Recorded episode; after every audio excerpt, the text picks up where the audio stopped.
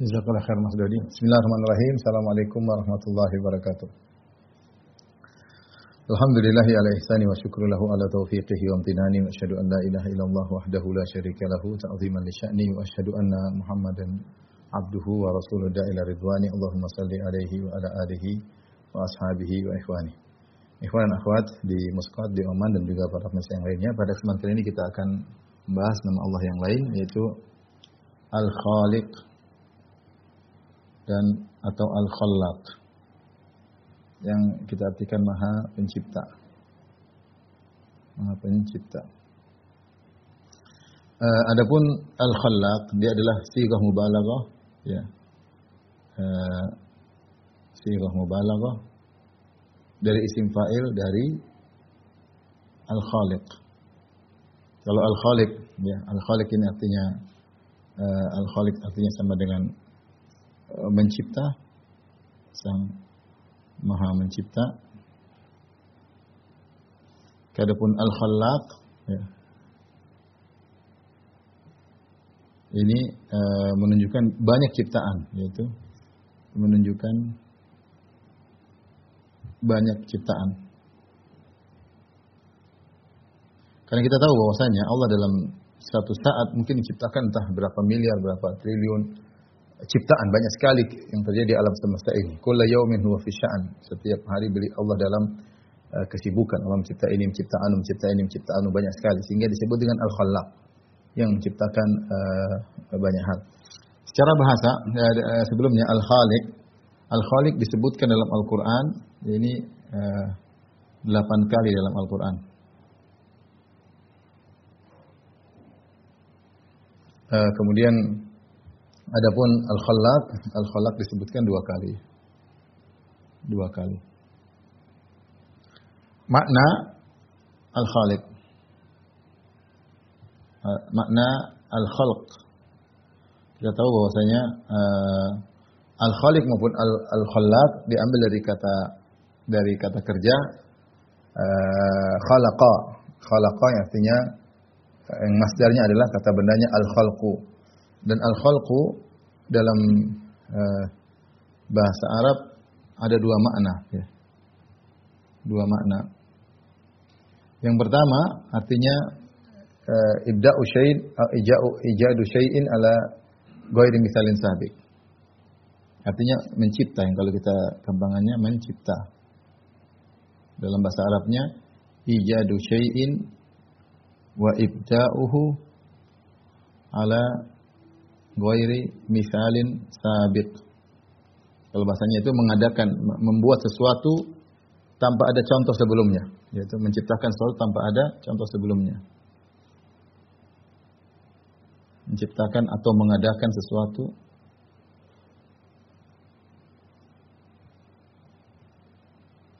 tanpa ada contoh sebelumnya. Dan ini inilah yang yang yang yang kita bahas secara umum makna ini. Makna pertama itu makna mencipta, makna mencipta. Ini datang dalam ayat-ayat seperti firman Allah Subhanahu wa taala, Allahu khaliqu kulli syai' ya. Allahu khaliqu kulli syai'. Allah mencipta segala sesuatu ya. Allah juga berfirman misalnya Alhamdulillahilladzi khalaqas samawati wal ard wa ja'ala adh-dhulumati wan nur segala puji bagi Allah yang menciptakan langit dan bumi ya. Uh, uh, wa ma khalaqanas samaa wal arda wa ma bainahuma ya batila. Tidaklah kami menciptakan langit dan bumi dan apa yang di antara keduanya sia-sia. Dzalika dhannul ladzina kafaru. Itulah persangkaan orang-orang kafir. Fawailul lil ladzina kafaru minan nar. Kecelakaan bagi orang-orang kafir terkena neraka jahanam. Jadi Allah menciptakan segala sesuatu. Uh, langit, bumi, apa yang di antara keduanya, ya semua ini di, di alam wujud ini cuma dua. Allah dan makhluk. Semua selain Allah adalah makhluk. Makanya Alhamdulillahi Rabbil Alamin. Rabb pencipta al-alamin. Al-alamin artinya apa? Al-alamin itu selain Allah Subhanahu wa taala. Allah Maha Pencipta segala selain Allah, maka Allah yang menciptakan. Sampai Allah sebutkan misalnya Allah yang menciptakan tumbuh-tumbuhan ya. Allah yang menciptakan hewan-hewan ya. Dalam dalam banyak ayat seperti firman Allah Subhanahu wa taala, Awalam yarau anna khalaqana lahum mimma amilat aydina an'aman fahum laha malikun. Tidakkah mereka melihat kami telah menciptakan bagi mereka dari perbuatan kami yaitu an'aman, hewan-hewan ternak. Fahum laha malikun. Kemudian mereka menguasai hewan-hewan ternak tersebut, ya. Seperti juga Allah Subhanahu wa taala berfirman, "Amman khalaqas samawati wal arda wa anzala lakum minas sama'i ma'an." Siapakah yang menciptakan langit dan bumi dan menurunkan bagi kalian dari langit hujan fa ambatna bihi hadaiqa dzata bahjah. Kemudian dengan air hujan tersebut kami tumbuhkan taman-taman yang indah. Hadaiqa dzata bahjah, taman-taman yang indah. Maka lakum antum bitu syajaraha. Kalian tidak mampu untuk menumbuhkan tumbuh-tumbuhan tersebut. Siapa bisa tumbuh-tumbuhkan menumbuhkan tumbuhan ya? Uh, Allah bahkan menantang di akhir surat Al-Hajj. Ya ayuhan nasu duriba masalun fastami'u Wahai manusia sekalian, diberikan perumpamaan kepada kalian, maka dengarkanlah. Innal ladzina tad'una min dunillahi la yakhluqu dzubaban wa la yajtama'u la. Sungguhnya yang kalian sembah selain Allah, malaikat, manusia, eh, jin-jin, nabi-nabi, wali-wali, matahari, rembulan, lan yakhluqu dzubaban wa la yajtama'u la. Mereka tidak bakalan mampu menciptakan seekor lalat, makhluk yang hina lalat. Siapa yang bisa ciptakan? Bentuknya seperti itu kemudian bergerak dengan cepat dengan mata fasetnya lan yakhluqu dzubaban wa lijama'ula. Mereka tidak bakalan mau menciptakan seekor lalat meskipun mereka bersatu padu, tidak bakalan mampu. Bahkan lebih dari itu kata Allah, wa iyyaslubuhum dzubabu syai'an la yastanqidhunahu min. Dha'fa at-talib wal matlub. Bahkan kalau ada lalat kemudian mengambil minuman mereka, mengisap minuman mereka kemudian lalat pergi tidak bisa dikembalikan minuman tersebut. Sungguh lemah. Dha'fa at-talib wal matlub ya. Yang yang ya apa namanya yang menyembah dan disembah sama-sama lemah. Jadi Allah menciptakan semuanya. Bahkan perhatikan, kita dalam diri kita ada air mani. Allah bicara tentang air mani. Kata Allah Subhanahu wa taala, "Afara'aitum ma tumnun?" Tidakkah kalian memikirkan tentang air mani yang kalian keluarkan? Air mani, laki-laki mengeluarkan air mani. Kata Allah, "Antum takhluqunahu am nahnul khaliqun?" Kalian yang menciptakan air mani ataukah kami yang menciptakan? Air mani dari tubuh kita. Jangan kita merasa kita yang menciptakan. Buktinya air mani bukan yang kita ciptakan. Kita tidak bisa mengeluarkan air mani kapan saja, nggak bisa. Ketika masih belum dewasa, kita nggak bisa keluarkan air mani. Kemudian air mani kemudian ada waktunya keluar ya. Dan ada waktunya mungkin dia semakin berkurang, semakin berkurang, kemudian dia mulai berhenti air mani tersebut atau semakin sedikit ketika orang sudah semakin tua. Kemudian juga eh, air mani tersebut dia tidak bisa keluarkan banyak-banyak, cuma terbatas. Pada saat tertentu bisa keluar air mani tersebut. Kemudian air mani tersebut pun tidak bisa dia terserah dia ini buat ciptakan anak laki-laki, anak cipta, ciptaan anak perempuan tidak bisa. Ya. Jadi yang menciptakan air mani adalah Allah. Makanya Allah mengatakan antum takhluqunahu am khaliqun. Kalian menciptakan air mani atau kami yang menciptakannya. Inilah maksud dari uh, al-khaliq ya. Yang mencipta yaitu Allah Subhanahu wa taala menciptakan segala sesuatu selain Allah semua adalah makhluk Allah Subhanahu wa taala. Kemudian makna yang kedua, makna yang kedua, uh, al-khalq artinya takdir. Takdir itu uh, mengkadarkan ya. Mengkadarkan. Ini makna yang kedua dari al-khaliq atau al-khalq. Kalau ada penisbatan al-khalq kepada makhluk sebagaimana perkataan Al-Khattabi, maka maknanya adalah uh, takdir maknanya adalah takdir Al-Khattabi berkata Al-Khaliq huwa al-mubdi' al-mubdi' al-mubdi' lil khalq al-muqtadi lahu ala ghairi mithalin sabiq. Qala subhanahu hal min khaliqin ghairullah. Kata Al-Khattabi Al-Khaliq adalah pencipta yang mengadakan sesuatu tanpa ada contoh sebelumnya. Allah berfirman hal min khaliqin ghairullah. Adakah pencipta selain Allah Fa amma fi nu'util adamiyin fa makna al-khalq at-taqdir. Adapun terkait dengan sifat-sifat manusia, maka kalau disebut al-khalq maksudnya adalah mengkadarkan. Mengkadarkan seperti firman Allah Subhanahu wa taala, "Anni akhluqu lakum min at-tini ka hay'ati at-tayri." Nabi Isa berkata kepada umatnya, "Anni akhluqu lakum min at-tin." Aku mengkadarkan bagi kalian tanah tanah liat ka hay'ati at-tayr seperti bentuk burung. Jadi mengkadarkan, membuat itu itu namanya khalq kalau manusia. Ya. Seperti misalnya juga firman Allah Subhanahu wa taala uh, dalam surat Al-Ankabut ayat 17 kata Allah Subhanahu wa taala, "Innama ta'buduna min dunihi min dunillahi awsanan wa takhluquna ifkan. Ya, ini contoh. Takdir itu mengkadarkan seperti firman Allah Subhanahu wa taala, wa takhluquna ifkan. Surat Al-Ankabut ayat 17. Kata Allah Subhanahu wa taala, sungguhnya yang kalian sembah selain Allah adalah ausanan adalah berhala-berhala. Wa takhluquna ifkan dan kalian bukan menciptakan di sini. Al-khalq ini bukan artinya menciptakan tapi mentakdirkan kalian membuat kedustaan. Itu qadiruna kadziban. Kalian buat-buat kedustaan bahwasanya uh, sesembahan kalian ini adalah berhak untuk disembah. Itulah kedustaan dari kalian. Innal ladzina ta'buduna min dunillahi la yamlikuna lakum rizqa. Sesungguhnya yang kalian sembah selain Allah tidak bisa memberi rezeki kepada kalian. Di sini Allah mengatakan wa takhluquna ifkan itu kalian wahai kaum musyrikin menciptakan ifkan, bukan menciptakan tapi mentakdirkan tuqaddiruna ifkan. Jadi takdir terkadang maknanya adalah uh, uh, al-khalq terkadang maknanya adalah ifkan ya, adalah ifkan ya. Demikian juga tadi uh, perkataan Nabi Isa alaihissalam, "Anni akhluqu lakum minat tayni." anni akhluqu lakum min at-tini ka hay'ati at-tayr. Aku membuat yaitu mentakdirkan mengkadarkan bagi kalian ukuran tanah liat sebentuk seperti bentuk burung. Seperti bentuk burung. Jadi takdir maknanya adalah juga dalam bahasa Arab artinya mengkadarkan, mengkadarkan. Nah, yang kita bahas di sini adalah makna yang pertama yaitu Maha Pencipta, Maha Pencipta. Baik. Ada beberapa hal yang terkait dengan Maha Pencipta ini, sudah. Ya. Banyak banyak penyimpangan dalam hal ini. Teman-teman sabar ketika saya akan menjelaskan karena penyimpangan tentang masalah sifat al-khalq ini banyak sekali.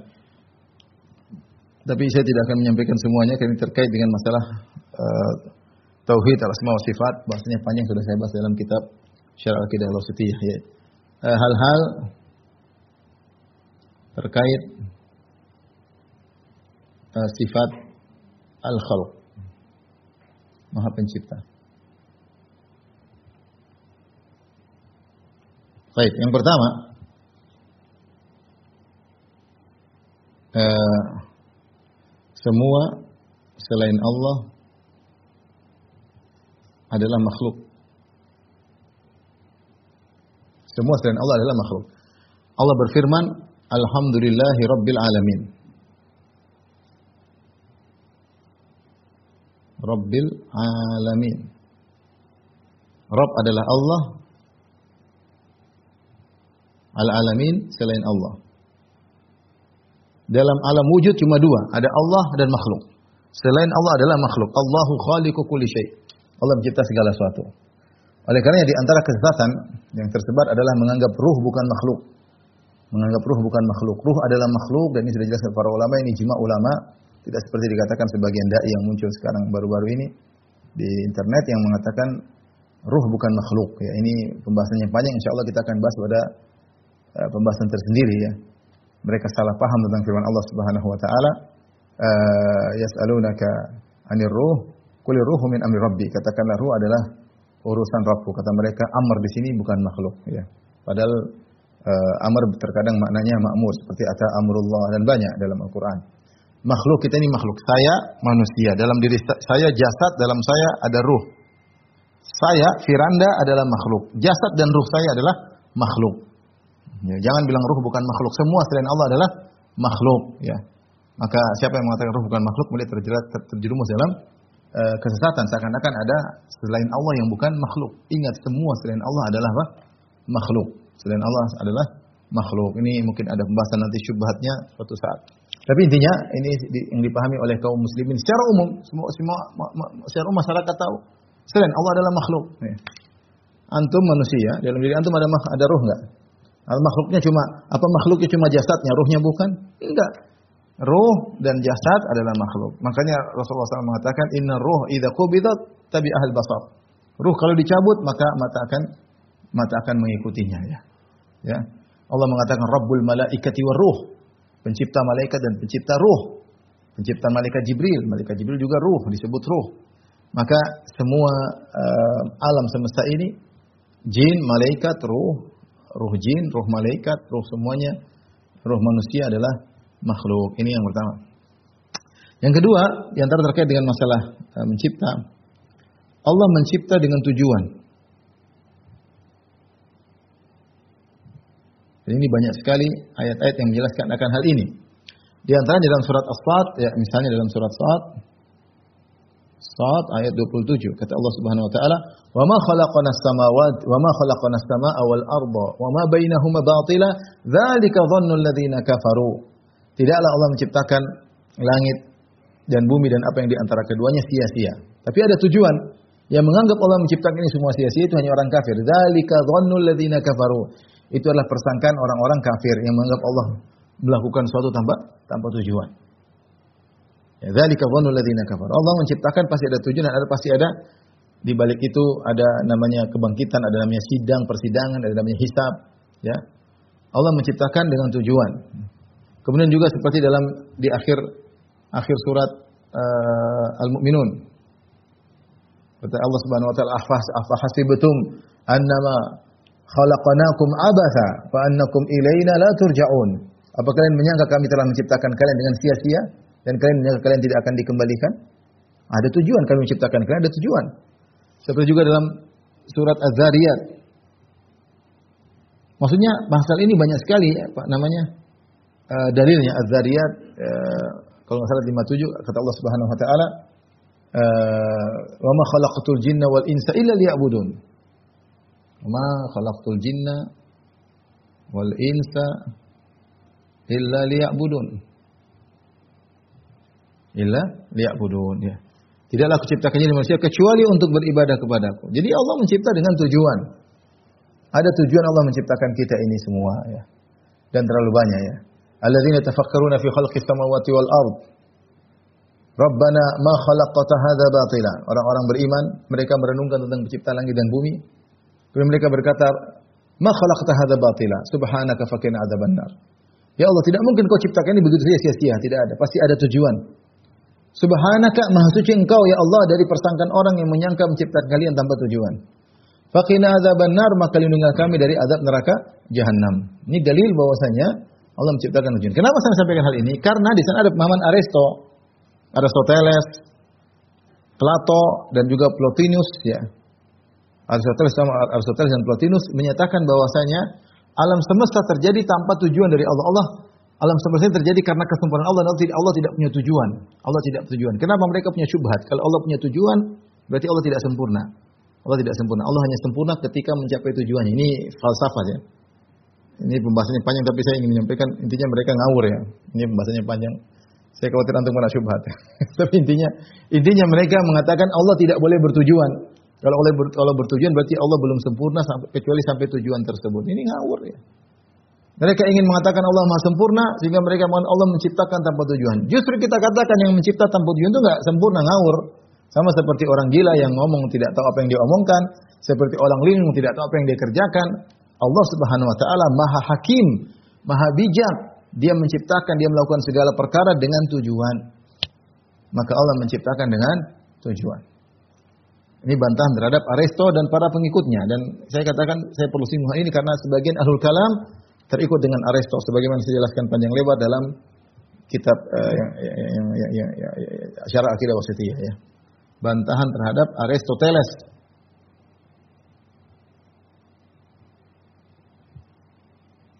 Dan Plotinus ya.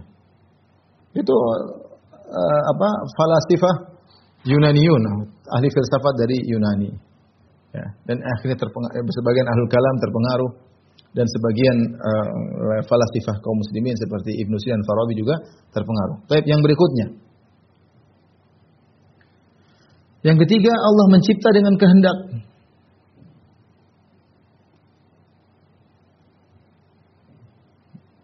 Kata Allah, "Wa rabbuka yakhluqu ma yasha wa yakhtar." Wa rabbuka yakhluqu ma yasha wa yakhtar. Allah menciptakan apa yang Allah kehendaki.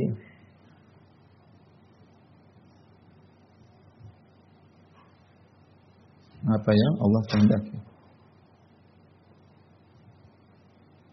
Sebagian Aristoteles dan Plotinus mengatakan makhluk itu muncul atau makhluk itu ada bukan karena Allah berkehendak, bukan karena Allah bertujuan, tapi dia muncul dengan sendirinya karena konsekuensi dari kesempurnaan Allah Subhanahu wa taala.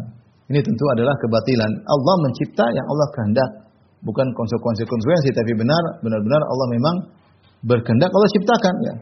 Bukan karena konsekuensi muncul makhluk tanpa kehendak Allah. Tidak benar Allah itu mencipta dengan kehendak. Di antara bukti Allah mencipta dengan kehendak, lihatlah alam ini bervariasi. Kalau Allah mencipta tanpa kehendak, mungkin makhluknya satu model aja.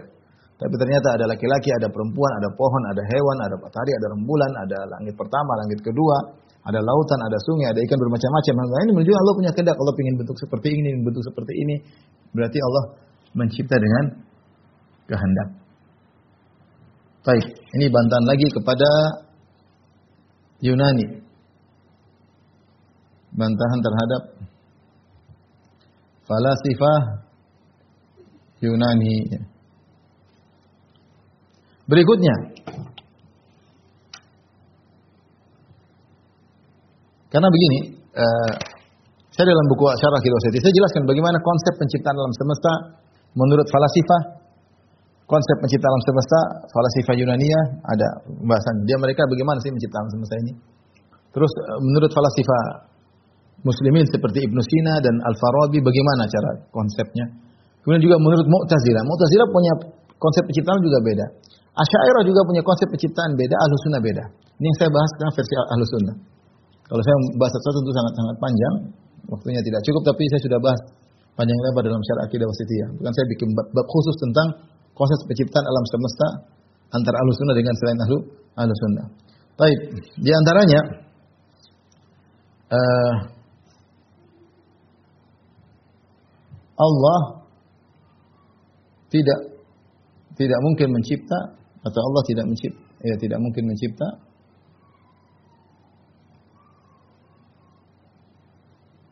kecuali dengan ilmu dengan ilmu sebelumnya Ya, dengan ilmu sebelumnya. Tidak, Allah tidak mencipta kecuali ilmu sebelum sebelum mencipta Allah mengilmui dulu. Kalau tanpa ilmu ciptanya akan ngawur. Tapi sebelum mencipta Allah punya ilmu. Kemudian ilmu tersebut lalu lalu Allah juga mengilmui semua ciptaannya.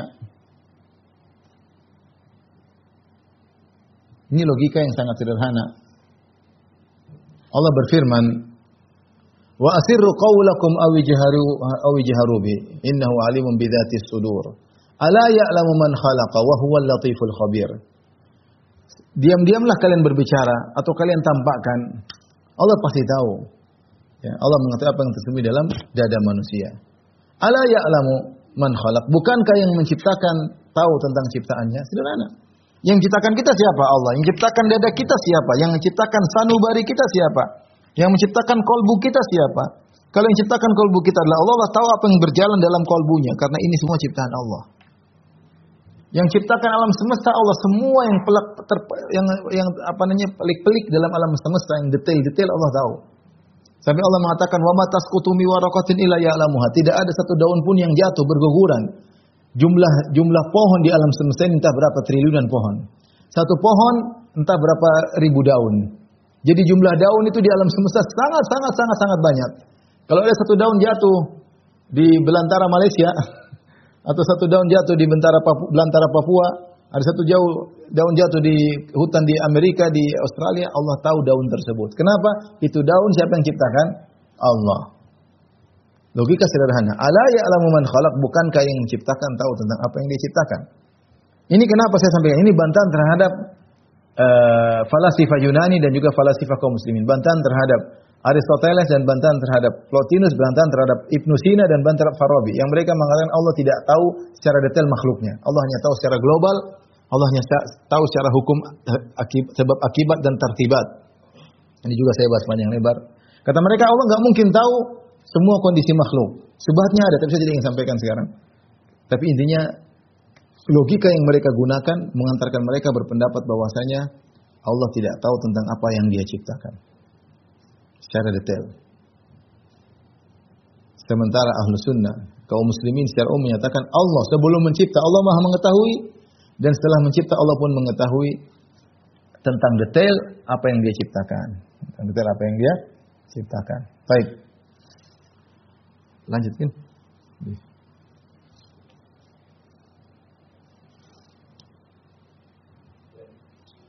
Baik, kita lanjut masih poin tentang hal-hal terkait ya. Hal-hal terkait sifat al-khalq. Berikutnya yang kelima Allah dulu sendirian lalu mencipta makhluk.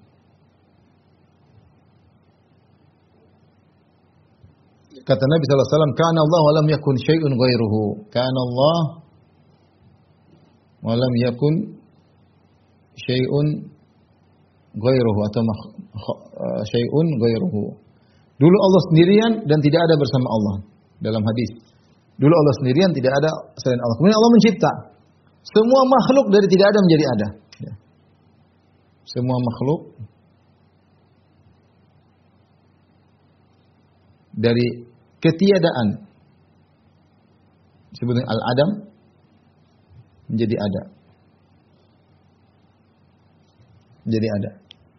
Kata Allah, "Hal ata 'alal insani hinum minad dahri lam yakun syai'an madhkura." Bukankah telah datang kepada manusia di mana suatu masa manusia itu lam yakun syai'an madhkura. Dia bukan sesuatu yang bisa disebut. Sama sekali tidak ada dan ketiadaannya sempurna. Sama sekali tidak ada. Kita Seribu tahun lalu tidak ada namanya Firanda, tidak ada yang nyebut-nyebut, murni tidak ada. Baru Allah ciptakan dari tidak ada menjadi ada pada waktu penciptaan kita ya.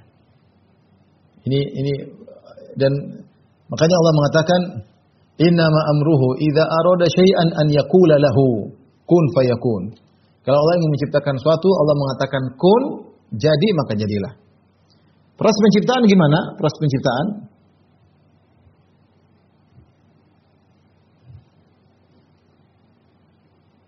iradah kehendak kehendak lalu kun baru fayakun. Irada innama amruhu idza arada syai'an. Semuanya perkara Allah jika dia berkehendak sesuatu maka dia katakan dengan berkata kun. Kun itu artinya apa? Jadilah. Jadilah Fayakun maka terjadi. Jadi Allah menciptakan sangat mudah dari tidak ada menjadi menjadi ada. Kun fayakun jadi maka jadi. Lalat dari tidak ada menjadi ada, manusia dari tidak ada menjadi ada karena dia malah Maha Pencipta. Nah, ini bantahan bantahan sama kepada falasifah yang menyatakan alam itu azali. Adalah azali sebagaimana Allah. Ini adalah pendapat Aristoteles dan pendapat uh, Plotinus, kemudian diikuti oleh Farabi dan Ibnu Sina. Makanya Al-Ghazali mengkafirkan Ibnu Sina karena dia menganggap alam itu azali.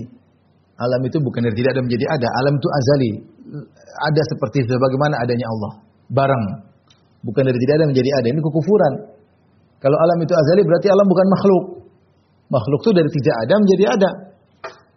Ini semua logika, perang logika. Saya tidak akan menyampaikan logikanya karena itu syubhat. Harus kalau mau dibahas harus secara detail dari awal supaya orang paham. Tapi intinya logika yang mereka agungkan, akal yang mereka agungkan mengantarkan mereka menyatakan bahwasanya makhluk itu bukan dari tidak ada menjadi ada, tapi dia azali bersama Allah Subhanahu wa taala.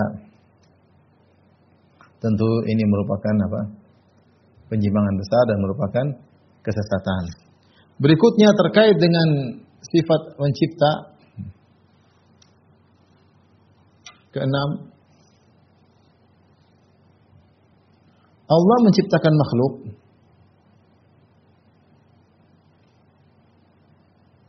makhluk dengan perbuatan mencipta. Dengan perbuatan mencipta. Allah zat tegak pada dirinya sifat mencipta maka timbulnya makhluk. Ada subjek, predikat, objek. Subjeknya siapa? Allah Subhanahu wa taala. Predikatnya perbuatan penciptaan, objeknya makhluk. SPO. Subjek, predikat, objek. Subjeknya adalah Allah. Predikatnya ada perbuatan, kata kerja fi'il, kata kerja Al-khalq mencipta, kemudian objeknya makhluk. Ini semua saya rasa logika sederhana. Saya misalnya mukul orang, saya mukul orang. Saya subjek, saya melakukan perbuatan namanya memukul, terus ada hasil pukulan, orang terpukul. Tidak mungkin ada orang terpukul oleh saya tanpa saya melakukan perbuatan pemukulan. Kalau orang tersebut terpukul, sementara saya tidak melakukan predikat perbuatan pemukulan, berarti bukan saya yang mukul. Bukan saya yang mukul. Ini bantahan terhadap asyairah. Bahasnya panjang, tapi saya ringkaskan saja. Karena mereka mengatakan makhluk tercipta tanpa perbuatan al-khalq. Sehingga mereka mentakwil al-khalq bimakna al-makhluk. Jadi kata mereka, S langsung O. Kata asyairah S langsung langsung menuju O tanpa predikat. S langsung ke O. Ini predikat di Taurat. Ini menurut versi Asy'ariyah. Kita ahlu sunnah tidak. Allah Subhanahu wa taala ada sifat-sifat yang tegak dalam Allah Subhanahu wa taala. Allah memiliki sifat mencipta, maka Allah pun menciptakan makhluk. Maka subjek Allah pencipta ada predikatnya al-khalq penciptaan dan ada makhluk namanya ciptaan. Tentunya di bahasan panjang lebar, saya tidak akan panjang lebarkan. Tapi saya ingin jelaskan tentang bahwasanya banyak penyimpangan tentang masalah al-khalq, sifat al-khalq ini. Yang kita butuh bahasan yang panjang tentang masalah masalah ini. Ini uh, di terkait dengan sifat al-khalq. Kemudian di antara hal yang terkait dengan sifat al-khalq, tujuh, sifat Allah sempurna. Uh, makhluk Allah, Allah ciptakan dengan itqan. Ciptaan Allah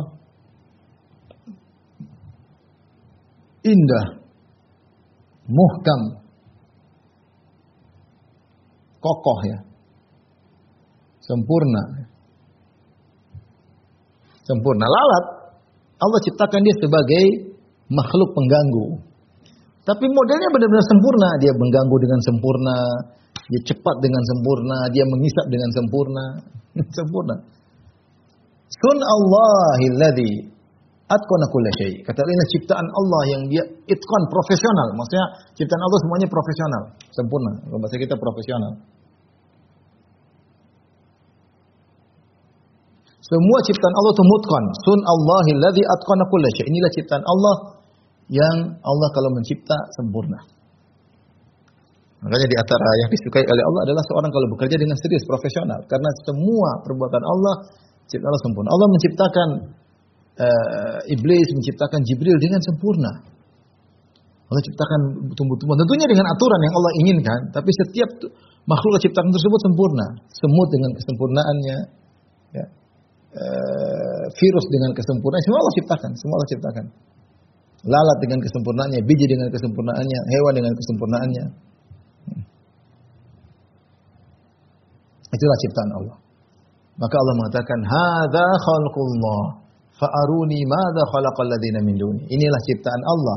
Tunjukkanlah kepadaku mana ciptaan selain Allah, mana ciptaannya Nabi Isa mana, mana ciptaannya malaikat, mana ciptaannya jin-jin, mana ciptaannya dewa-dewa, mana ciptaannya uh, ruh-ruh, mana ciptaannya wali-wali enggak ada.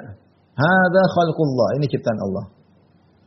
Dengan kesempurnaan, dengan keseimbangan, dengan subhanallah ciptaan alam semesta dengan begitu luar biasa, dengan itqan sehingga ditemukanlah oleh para fisikawan rumus-rumus tentang alam semesta. Dia temukan, oh rumus ini berarti ini, rumus gaya, rumus ini, rumus gravitasi semua. Berarti dalam aturan alamnya ada aturan-aturan yang luar biasa. Yang bukan sembarang ciptaannya, tapi sempurna sampai ada aturan-aturannya. Gaya gravitasi lah, gaya inilah, gaya anu lah. Dulu kita belajar waktu masih sekolah. Rumus-rumus begini-begini, kalau ada pertemuan, percampuran antara kimia dengan ini, rumus kimia, rumus ini, semuanya ada rumusnya. Ya, ada aturannya. Berarti alam semesta ini ada sunnatullahnya. Ada yang bikin. Yang bikin itu hebat. Orang mulai dengan ilmuwan bertambah dengan bertambah mulai mengungkap tentang kehebatan-kehebatan ciptaan Allah dengan menemukan rumus-rumus yang terkait dengan pencipta alam semesta. Taib. Uh, ini semua ikhwan akhwat yang mati Subhanahu wa taala. Melazimkan ya, melazimkan. Melazimkan hanya Allah yang terakhir ini. Melazimkan melazimkan hanya Allah yang berhak untuk disembah.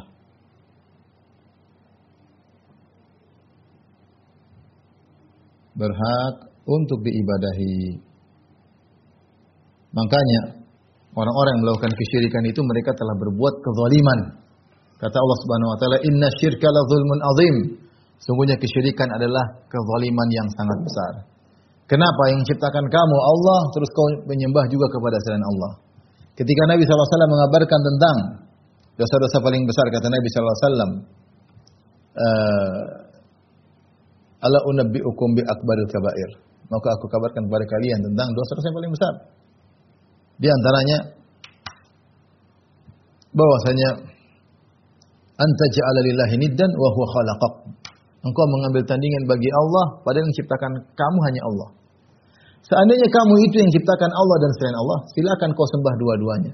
Seandainya kamu itu diciptakan oleh tiga Tuhan, sembahlah tiga-tiganya karena keberadaanmu dari tidak ada menjadi ada kembali kepada tiga zat ini. Tapi ketika yang menciptakan kamu hanya Allah Subhanahu wa taala, loh kenapa kamu menyembah selain Allah? Bukankah ikatan terkuat antara makhluk dengan Khalik adalah peribadatan kepada Khalik? Allah mengatakan wa ma khalaqtul jinna wal insa illa liya'budun. Tidaklah keciptakan jin dan manusia kecuali untuk beribadah kepada Sang Pencipta, kepada Allah Subhanahu wa taala.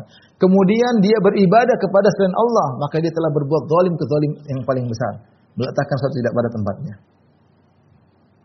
Makanya Allah mengatakan Wa ma qadarullah haqqa qadri. Mereka tidak mengagungkan Allah sebagaimana mestinya. Wal ardu jami'an qabdatuhu yaumal qiyamah. Pada hari kiamat kelak bumi dalam genggaman Allah. Was samawati matwiyatun bi yamini. Langit dilipat dengan tangan kanan Allah. Subhanahu wa ta'ala amma syirikin. Maha suci Allah atas kesyirikan yang mereka lakukan. Gimana mereka menyembah mayat-mayat? Gimana mereka menyembah nabi-nabi? Bagaimana mereka menyembah wali-wali? Sementara hari kiamat yang memegang alam semesta Allah semata mereka tidak mengagungkan Allah sebagaimana mestinya. Oleh karena para musyrikin tidak mengagungkan Allah. Ya syuratan kuburan, ya mayat, ya itu ketundukan serahkan kepada Allah. Ini mayat tidak berhak untuk kau gitukan.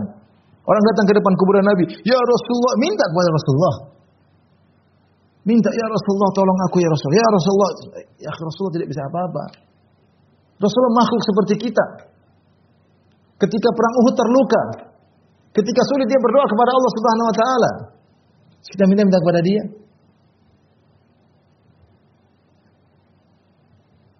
Laisa laka minal amri syai. Kata Allah, bukan kau tidak punya urusan sama sekali wahai Nabi SAW.